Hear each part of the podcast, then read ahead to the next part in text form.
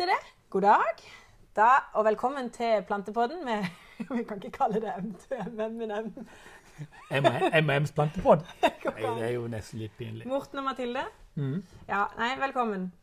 Du, i eh, dag, så, eller sist, så lovte vi eh, litt og, eh, at vi skulle snakke om urter. Ja, basilikum spesielt. Spesielt basilikum. Ja. For den er en populær urt, rett og slett. Ja. Jeg har Altså, det, det Du er veldig stolt av eh, basilikum. Ja, ikke Altså, ja, det er Ja, det er for å si det min... Altså, ja. Det er Jeg har en basilikum, men jeg har ikke sådd den. Jeg må innrømme det. Ja, det, det, det er jo det kuleste. Ja. Fordi at eh, Når du kjøper basilikum i butikken, Ja. så er det veldig få som egentlig klarer å beholde dem. For de ramler jo ned litt, ikke sant? Litt. Ja. De aller fleste mennesker vil jeg jo si opplever at de lever en dag eller to på kjøkkenbenken. Ja. Ja, ja det er tilfellet. Ja. Det jeg gjorde Jeg kjøpte eh, Jeg tror jeg kjøpte to eksemplarer, sånn at han ikke var alene. Hvis jeg skal være helt ærlig, så tenkte jeg altså sånn. God, god tanke. Ja.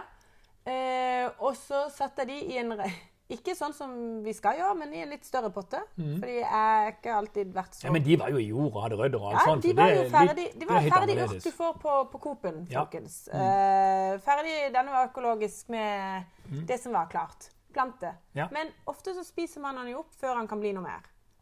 Ja. Satt på spissen da. Jeg kjøpte to for at ikke det skulle skje. Eh, planta den i god jord. Altså, da snakker vi god jord. Trenger ikke å legge mer i det. Eh, sand i bunnen for å ha drenering, osv. Jeg har altså ikke gjort noe annet enn å elske den. Og vann- vanne den. og vanne den. Og så har jeg en, eh, tilfeldigvis en veldig god spot i huset med veldig mye lys. Som Ja. kommer både ovenifra og frampå og fra sidene her Ja. på kjøkkenet. Ja. Så, eh, men den er jo huge. Ja. Den ble Altså, hvor, hvor stor var ikke Den var den i kjempestor. Jeg fikk en haug av stiklinger av det, og de er jo akkurat like fine. Ja, Ja. det er jo så kult. Mm. De er lette å ta stiklinger. Altså, vi må nesten si kom on. Hvor, hvor, hva er høyt er dette? Ja, nei, altså, Det er jo mer potter. Det er jo 60 cm. Nei, ja, ja vel, men Ja, det var den. Ja, han var 50 Og det samme brei. i hvert fall i det. 50-60 brei. Han var 60 Og brei. ordentlig stilker. Ja, ja, ja, Og busk. Ja, helt, vi måtte hjelpe deg å spise. Ja. Men OK, unnskyld. Nei, men du. Det, spørsmålene fra eh, mange av kundene våre da, er om disse urtene. De har så veldig lyst til å ha urter året rundt på kjøkkenbenken. sant? Det er et nederlag for noen å gå og kjøpe disse urtene. Ja. De har jo lyst til å få det til. Ja. Eh, og da, da har de jo liksom Det vi bruker, de fleste som det går mest av eh, på butikkene, det er koriander, det er basilikum, det er timian, rosmarin. Jeg vet at du kaller ruccola eh, som en urt, Ja. eh, fordi eh, den du eh, lager, eller vi selger, er Ja. såpass kraftig i smaken at du kan bare bruke litt i en salat. ja. Men, men det er ikke det folk flest er vant med ruccola. Det er en Altså, salattype. Det, det er jo fordi at de ikke har eh, Ja, men vært der ennå. Ja, ja, mm. men ikke ned Vi snakker ikke ned lav smak. Det smak. gjør jeg gjerne. Nei. Jo, de der du kjøper i butikken, snakker jeg gjerne ned. Nei. Nei. Hvorfor ikke det? Det er jo så dårlig. Det er jo nesten Nei. ikke smak. Det må jo være hele skåla full av ruccola for å smake ruccolaen. Okay. Okay. det er jo en uh, kjempegod salat. Det er bare mindre smak, så du kan ha mer av den. Ja, ja, ja. Sånn får vi også tenke. ja. Ja. Det får vi tenke. I hvert fall. Men hvordan kan vi ha dette her? Ikke akkurat kortreist. Ja, ja, ok. Ja. Åssen kan vi ha dette året rundt? Er det, la, vil det la seg gjøre? Det lar seg gjøre. Og da syns jeg det er viktig å tenke hvilke av disse urtene, som du kaller de. Ja. Eh, Fordi at vi vanlig, så, vanligvis så kaller vi urter urter når vi bruker dem som en urt i matlaging. Ja. Altså smakstilsetning. Tilsetning. tilsetning. Men en urt er jo en urtaktig plante. Ja. Og, det jo, og det er, mange av disse urtene er jo ikke urtaktige. Neida. OK, det var forvirring nok. Ja, men du må, du må Ja, men da går vi videre. Hør her. Eh, For å si det sånn. Eh, altså, jeg, jeg, jeg, jeg syns altså, La oss ta de to klare urtene du ikke skal ha inne om vinteren. Det er timian og rosmarin. Ja, sant? Ja, De skal du ha ute om sommeren. Ja. Fra, fra, fra mai og etter første frostnatt så skal du ha da, Enten har du sådd de Ja. inne, Ja. eller så kjøper du de, Ja. og så har du de ute. Og lar de overvintre ute på et godt sted. Ja. Godt drenert. Og så, før høsten, Ja. eller i løpet av sommeren, så klipper du av og tørker og legger, og, og legger på mørke glass. Så har du timian og rosmarin hele vinteren Ja, OK. Ja, ja. Ja, altså, Mathilde, det er ikke noe bedre måte å gjøre det på. Nei. Å kjøpe frisk timian Ja. og frisk, timian, og frisk eh, rosmarin. For det første så får du Ok, du kan få litt bedre smak. Jeg vet at friske urter er godt opp mange ting. ja. Men akkurat disse har veldig lett for å mistrives. For de trives best i middelhavssol Ja. og en vinter på under 10-12 grader. ja. Og det liker ikke du å ha i stua. Nei. Men basilikum Ja. og koriander og ruccola, Ja.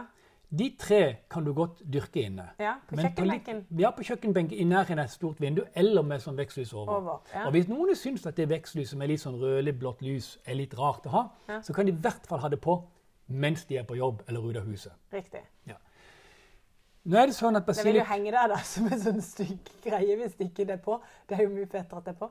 Ja, unnskyld. Ja, avsporingen. my, mye Ja. Ja, jeg, jeg, jeg har liksom ikke sånne tanker i hodet, Nei, Mathilde. nei, nei. Men, men eh, basilikumen, den setter du den kan du, den kan du ha hele tida. Den bare klipper du ned og bruker den. Og når du har klippet en stilk ned til f.eks.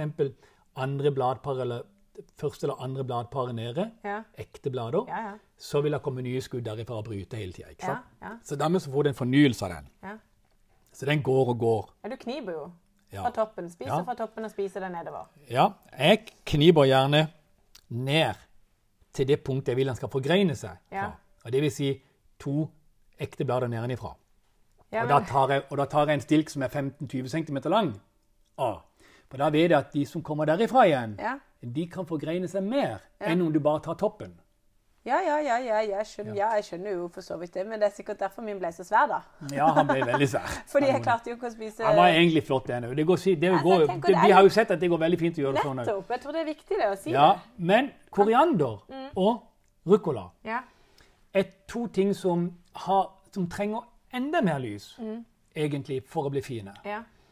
Å holde de uten at de skal bli lange, det er vanskelig. Så de pleier jeg altså sette inn på telefonen, på kalenderen. Så ruccola, så koriander. Ja. Tredje hver uke. Å ja. Ja, så har du hele tida. himmel. Himmel! Ja. Tenk deg! Altså Istedenfor å lese en historie med unger, så tar du ungene med deg. Så så du ruccola Ja, og, ja, og koriander en gang hver tredje uke. ja, ja, hører det. Legg det inn på ungenes telefon, så kan de si fra til deg 'Mamma, nå må vi så koriander og ruccola'. Så, åh. Å, ja, hadde ikke det vært gøy?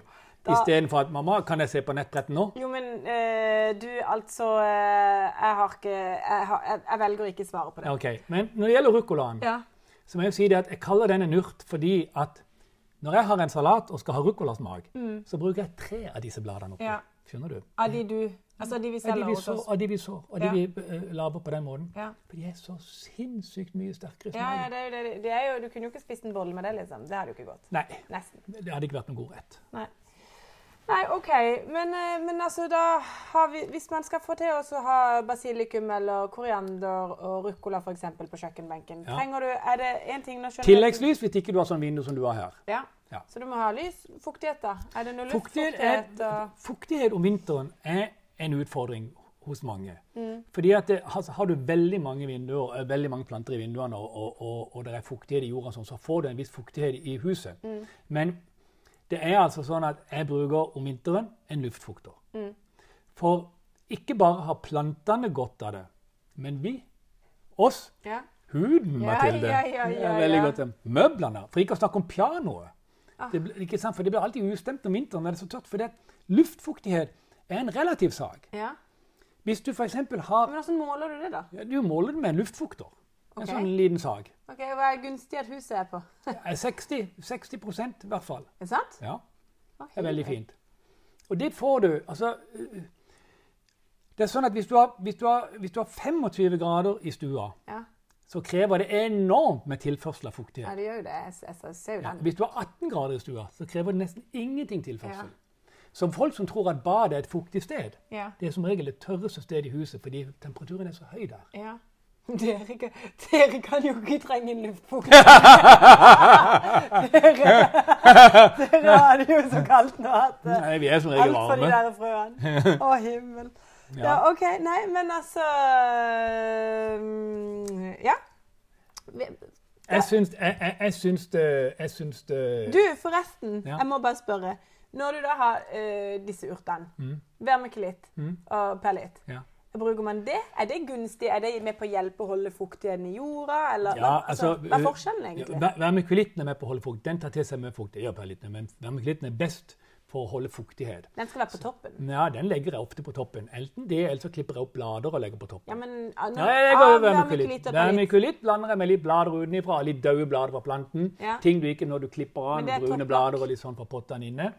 Klipper jeg de små bedre og legger de i alle pottene. Ja. Dekker alt det. Ja, ja, altså, en bruker jo sånn bladene som sånn som jeg har gjort der. Å, det ser så fint ut. Ja, men jeg kunne da, hvis ikke jeg hadde hatt det, at ikke hadde mista blader ennå, Ja, men det er bare det at vermeklitten den, den detorieres eller brytes ned litt etter hvert. Sånn Ah, ja. at du må på en måte ha litt nytt på. for ellers Ja. får den også... Men, men jeg syns eh, eh, Når du dyrker inne på denne tida, så er det faktisk en fordel å blande litt palitt i jorda også.